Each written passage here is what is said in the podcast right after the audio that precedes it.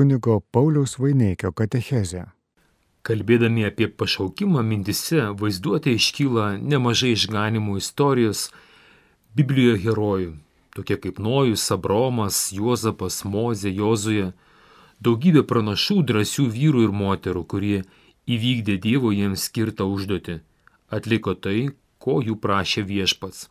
Natūralu žmogiškai yra žavėtis didžių žmonių gyvenimais, ištverme šventumu.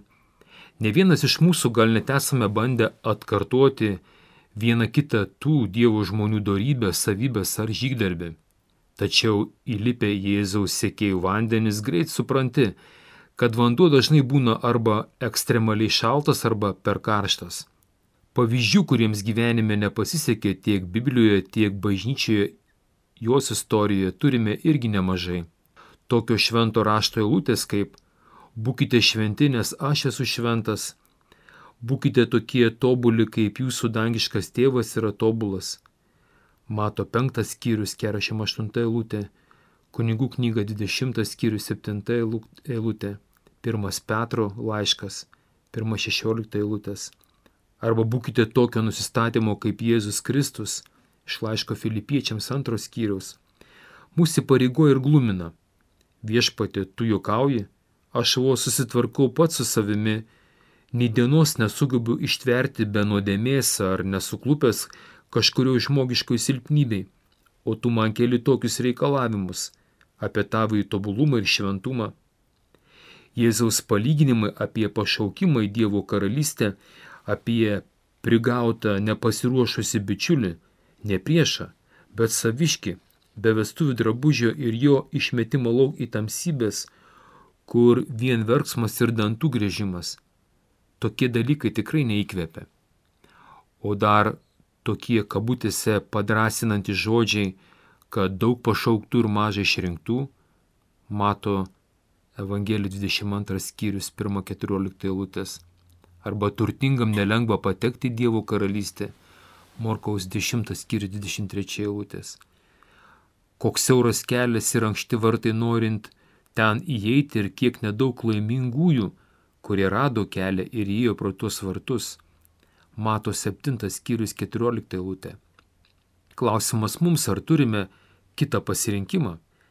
Dievas yra meilė, kuris dovanoja laisvę. Jis visada palieka pasirinkimo teisę ir didelį spektrą būdų galimybių išpildyti jo reikalavimus. Jėzus nesikį drąsino savo mokinius, kad jo tėvo namuose daug buveinių. Ten vietos užteks visiems, kad jis tapo vienu iš mūsų, atėjo tam, kad nei vienas nepražūtume. Jėzus drąsino savo sėkėjus, kad jis turi ir kitų avių, ne iš mūsų avėdės, ne iš mūsų komandos, kuriuos irgi turės įvesti Dievo karalystę. Tai žmonės, kurie bus net negirdėję nei apie vienatinį Dievą, nei apie Jėzų, nei apie Evangeliją. Tačiau jis, Jėzus, numirė ir už juos, atpirko juos. Todėl nebijokite, viskas bus gerai. Viešpas palieka vilties, kad padarys viską, kad ten patektume, tačiau negali nei vieno per prievartą nusivesti dangų. Žmogaus pašaukimas būti kaip Dievas, būti laisvu yra didelė laimė bet tuo pačiu ir didelė atsakomybė, o gal net ir savotiška tragedija. Apaštalas Paulius rašo, pripažįstu, suvokiau, į ką esu pašauktas, sugebu trokšti gėrio, tobulumo, šventumo, bet įgyvendinti padaryti ne. Aš nedarau gėrio, kurio trokštų, o darau blogį, kurio nenoriu. O jeigu darau blogį, kurio nenoriu, tai nebe aš tai įvykdau, bet manie gyvenanti nuodėmė. Ir užbaigė su atodusiu vargšas žmogus. Iš laiško romiečiams 7 skyrius 14-24 eilutės. Mano pažeista prigimtis rimtai kišakoja tam pašaukimui, į kurių esu kviečiamas. Tačiau dėka to paties apaštalo Paulius galiu tarti, bet dėkui Dievui per mūsų viešpatį Jėzų Kristų, per jo žodį, jo pavyzdį, šiandien vėl pradedu savo kelionę žengti kartu su juo, per jį ir jame. Laiškas romiečiams 7 skyrius 25 eilutė.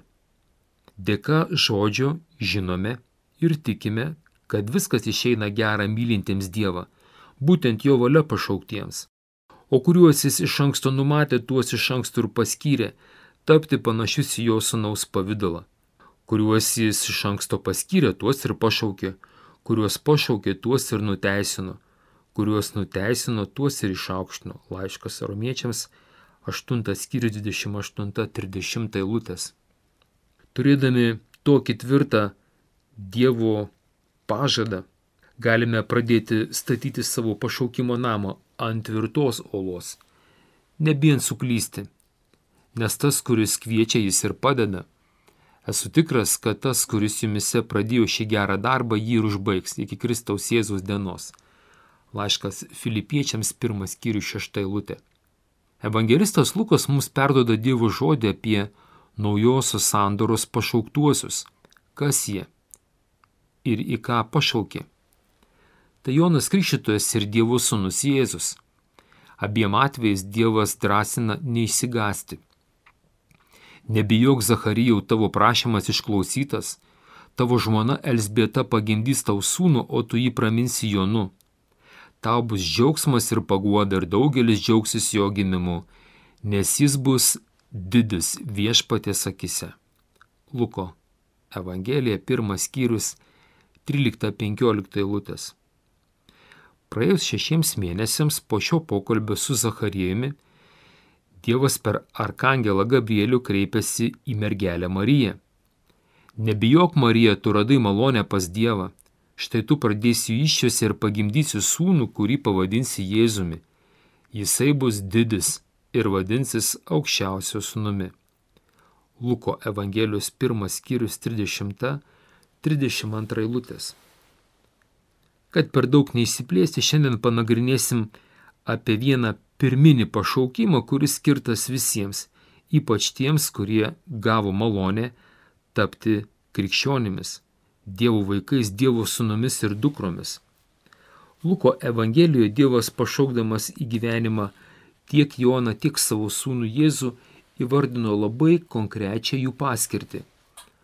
Bus didis, graikų kalboje mega, viešpaties akise. Po to jau išvardino ir kitas jų užduotis. Jie kiekvienas gavo vardus. Jonas turės paruošti Jėzui kelią, Jėzus turės atstovauti savo dangaus tėvo žemėje, turės perimti Dovido sosto ir įtvirtinti dangaus karalystę žemėje.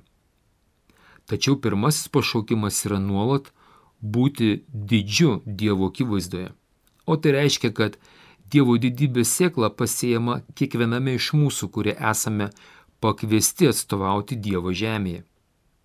Jeigu nežinau šios tiesos, šios gerosios naujienos, Evangelijon graikų kalboje, ką į mane yra instaliavęs Dievas, greičiausiai nuvilsiu savo kurėją, savo viešpatį, tėvą ir karalių.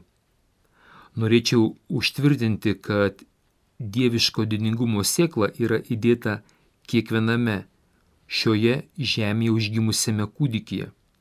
Todėl nužudyti, abortuoti kūdikį tai pasikesinti Dievo didybę, į Dievo šlovę. Tai pasmerkti save pražučiai, pragarui, panašiai kaip atsitiko buvusiam šviesos angelui ir jo sekėjams, demonams. Esu įsitikinęs, kad pas viešpati nėra pilkų nevykusių brokuotų vaikų. Dievas viską daro vykusiai. Ir tik labai gerai į savo kokybės sertifikatą aiškiai įspaudė pirmųjų žmonių porelėje, dar rojuje įvardindamas juos, ir Dievas matė, kad žmogus sudarytas iš vyro ir moters, jų vaikų yra labai gera. Pradžios knygos pirmas skyrius 31 eilutė. Šio pasaulio propaganda šiandien taip yra mūsų suvedžiojusi, kad mes nebežinom, kas esame. Mumise pasėtas piktojo virusas nuolat gundo lyginti save su bet kuo, ko Dievas neliepia daryti. Žiūrim į Joną Krikščito ir sakom, jis buvo jėga, didelio likimo žmogus, o kas aš toks? O Jėzus tau atsako, taip iki Jono nėra buvę didesnio žmogaus už Joną Krikščitoje, bet dangaus karalystėje ir pas mažiausias, nereikšmingiausias yra didesnis už jį. Mato Evangelija 11 skyrius 11 eilutė. Taip, kad nėra ko viršlenti, kad, kad kažkam pasisekė labiau. Pas viešpati viskas į ateitį yra tik geriau ir geriau. Dievo didybė yra užslepta kiekviename iš mūsų. Tai svajonė. Tai kiekvieno žmogaus troškimas būti įvertintų, pastebėtų, būti išsipildžiusiam, būti asmenybė pagal Dievo standartus. Iš tiesų, jeigu mes priimame gyvenimą iš Dievo, kuris yra mano tėvas ir kuriejas, tai Dievo didybė yra Dievo DNR genetika žmoguje. Jei pats Dievas prieš pradedant dar motinos iščiose mane įvertino, šis vaikas bus didis mano akise. Jei mano pašaukimas gimti šiame pasaulyje ir atstovauti Dievo didybę visoje kūrinyje, tai niekas neturi teisės manęs paneigti, nuvertinti, klyjuoti kažkokias nepilnavertiškumo ar pažeminimo etiketes.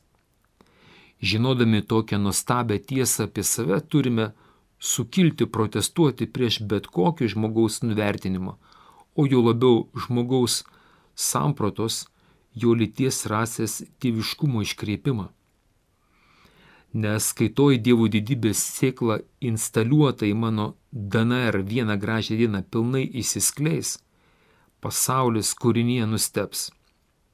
Įsipildys realiai aštuntos psalmės žodžiai. Viešpatė mūsų Dieve, koks nuostabus tavo vardas visoje žemėje. Savo didingumu apdengiai dangaus aukštybės, mažylių ir kūdikių lūpomis sukūrė savo šlovę engėjams sugėdinti kad nutildytum priešą ir maištautoją. Kai pažvelgiu į tavo dangų, tavo rankų darbą, mėnulį ir žvaigždės, kurias tu pritvirtinai, tariu, kas tas žmogus, kad jie atsimeni, kas tas mirtingasis, kad jų rūpiniesi.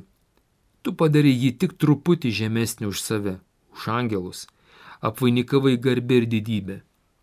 Aštuntoji psalmė, antra, šešta eilutės bet didingu būti tai nelemtis, bet pašaukimas. Kiekvienam žmogui išpildyti Dievo valią žemėje.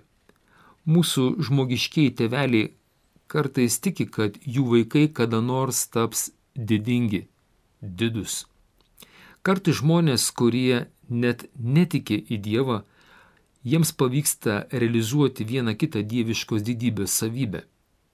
Bet viešpas mus pašaukė šiame pasaulyje atstovauti ne kažkokią vieną jo savybę, bet visą Dievo didybę. Pakalbėkim dabar konkrečiau, kaip praktiškai išpildyti Dievo man duotą pašaukimą. Dievo didybės sėkla tas grūdas de facto ir de jures įdėtas kiekviename iš mūsų. Kadangi esame Dievo vaikai, laisvi pasirinkti, Nuo mūsų dabar priklauso, kur mes tą Dievo didybės grūdą pasėsim. Galime šią sėklą pasėti kūnį ir vėliau iš kūno gauti kūniškus vaisius. Galbūt pasaulio šlovę, bet mirti tai tikrai. Tačiau galima šį grūdą pasėti dvasiu ir tuomet pjauti Dievo šlovę ir gyvenimą iš didžios raidės. Galime būti didžiu prieš žmonės, bet galima būti didžiu priešais Dievą. Įdomus dalykas, kad e, tapęs didis Dievo akise, nebejotinai vieną gražią dieną tapsi didis ir žmonių akise. Tuo tarpu žmonės, kurie viską paukoja, kad išgarsytų pasaulio akise, buvo Dievo atstumti ir išmesti ten, kur yra verksmas ir dantų grįžimas. Klausimus, o kaip tapti didžiu priešais Dievą? Aštuntos psalmės penktoj eilutėj psalmininkas kalbėdamas apie žmogų, kas tas žmogus, kad jį atsimeni, nemini nei Jono, nei Mozės, nei Abromo, nei Marijos, nei Jėzus vardo. Žmogus yra toji Dievo didybės paslaptis, kurią turime padėti vienas kitam atskleisti. Jeigu Dievas kreipia labiau dėmesį į žmogų negu į Saulę, Menulį, žvaigždės, galaktikas, vadinasi, kad žmogus Dievu tikrai šitą reiškia. Dar daugiau, Dievas nei vieno kūrinio nekūrė pagal savo atvaizdą ir panašumą, o žmogų taip. Tuomet Dievas tarė, padarykime žmogų pagal mūsų atvaizdą ir panašumą. Dievas sukūrė žmogų pagal savo atvaizdą, pagal savo ikoną graikiškai, sukūrė jį kaip vyrai ir moteris sukūrė juos. Pradžios knygos pirmas skyrius 26-27 eilutės.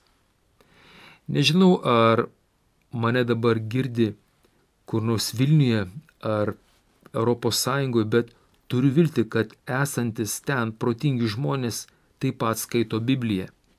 Nei Saulė, nei Menulį ir ne į žvaigždės Dievas įdėjo savo atvaizdą, o į mane asmeniškai. Tai teikia iš ties daug džiaugsmo, laimės. Žinant Dievo žodį, žinant Dievo troškimą, mums, mums galime drąsiai tarti, žmogus iš ties skamba didingai, išdidžiai. Mes esame pati tikriausia Dievo ikona, Dievo atvaizdas žemėje. Ta savo atvaizdą apvainikavo garbė ir didybė. Todėl tikroji didybė, kokybinis įvertinimas ateina tik iš viešpatis. Mūsų žmogišką orumą garbę šlovę vainikuoja ne žmonės, ne žemiški karaliai, ne prezidentai, ne Nobeliai, ne Hollywoodo Oskarai, ne kultūros ar meno ministerijos, bet tik Dievas. Viešpats patepė žmogų savimi. Ir ne viską, ką nusprendė teveliai, mokytojai, mokslas ar visuomenė, atitinka vaiko žmogaus realybę, bet tik tai, ką nusprendė Dievas. Nėra svarbu, ar tu Jonas, Petras ar Marija, lietuvis, žydas ar vokietis, svarbiausia, kad tu esi žmogus. Ir jei tu esi žmogus, tai automatiškai Dievo valia, kad būtum didis Dievo ir žmonių akise. Dievas stato už žmogų. Jis rizikuoja pasirinkdamas tokį pažeistą nuodėmės, bet tobulai sukurtą savo atvaizdą. Viešpas patikėjo savo vaikams visą visatą. Jūs tik pažvelkite į vaikus. Maža mergaitė apsvilkusi gražią suknelę žiūri save veidrodį ir sako, aš karalienė. Tas pašaukimas toji didybės sėkla yra tiesiog mumise stebint vaikus jie yra geriausi modeliai, pavyzdžiai mums suaugusiems priminti, kasgi yra pasėta mumise. Vaikai nesigėdė žaisti pačius didingiausius savo pasakų herojus. Kokie talentų sugebėjimai slypi mumise, kokios nuostabios viską sudrebinančios galimybės. Šiek tiek įsiaiškinome apie Dievo didybės sėklą mumise, dabar pabandysim nustatyti koordinates, kur ir kaip tą didybės grūdą pasėti, kad jis duotų gausių vaisių, kad tie vaisiai derlius dievų patiktų ir ilgam išliktų. Viešpat sukūrė žmogų, jį pastatė prie savo visos kūrinijos vairo, o ne nustumė į šoną ant pasyvių žiūrėtojų solelio.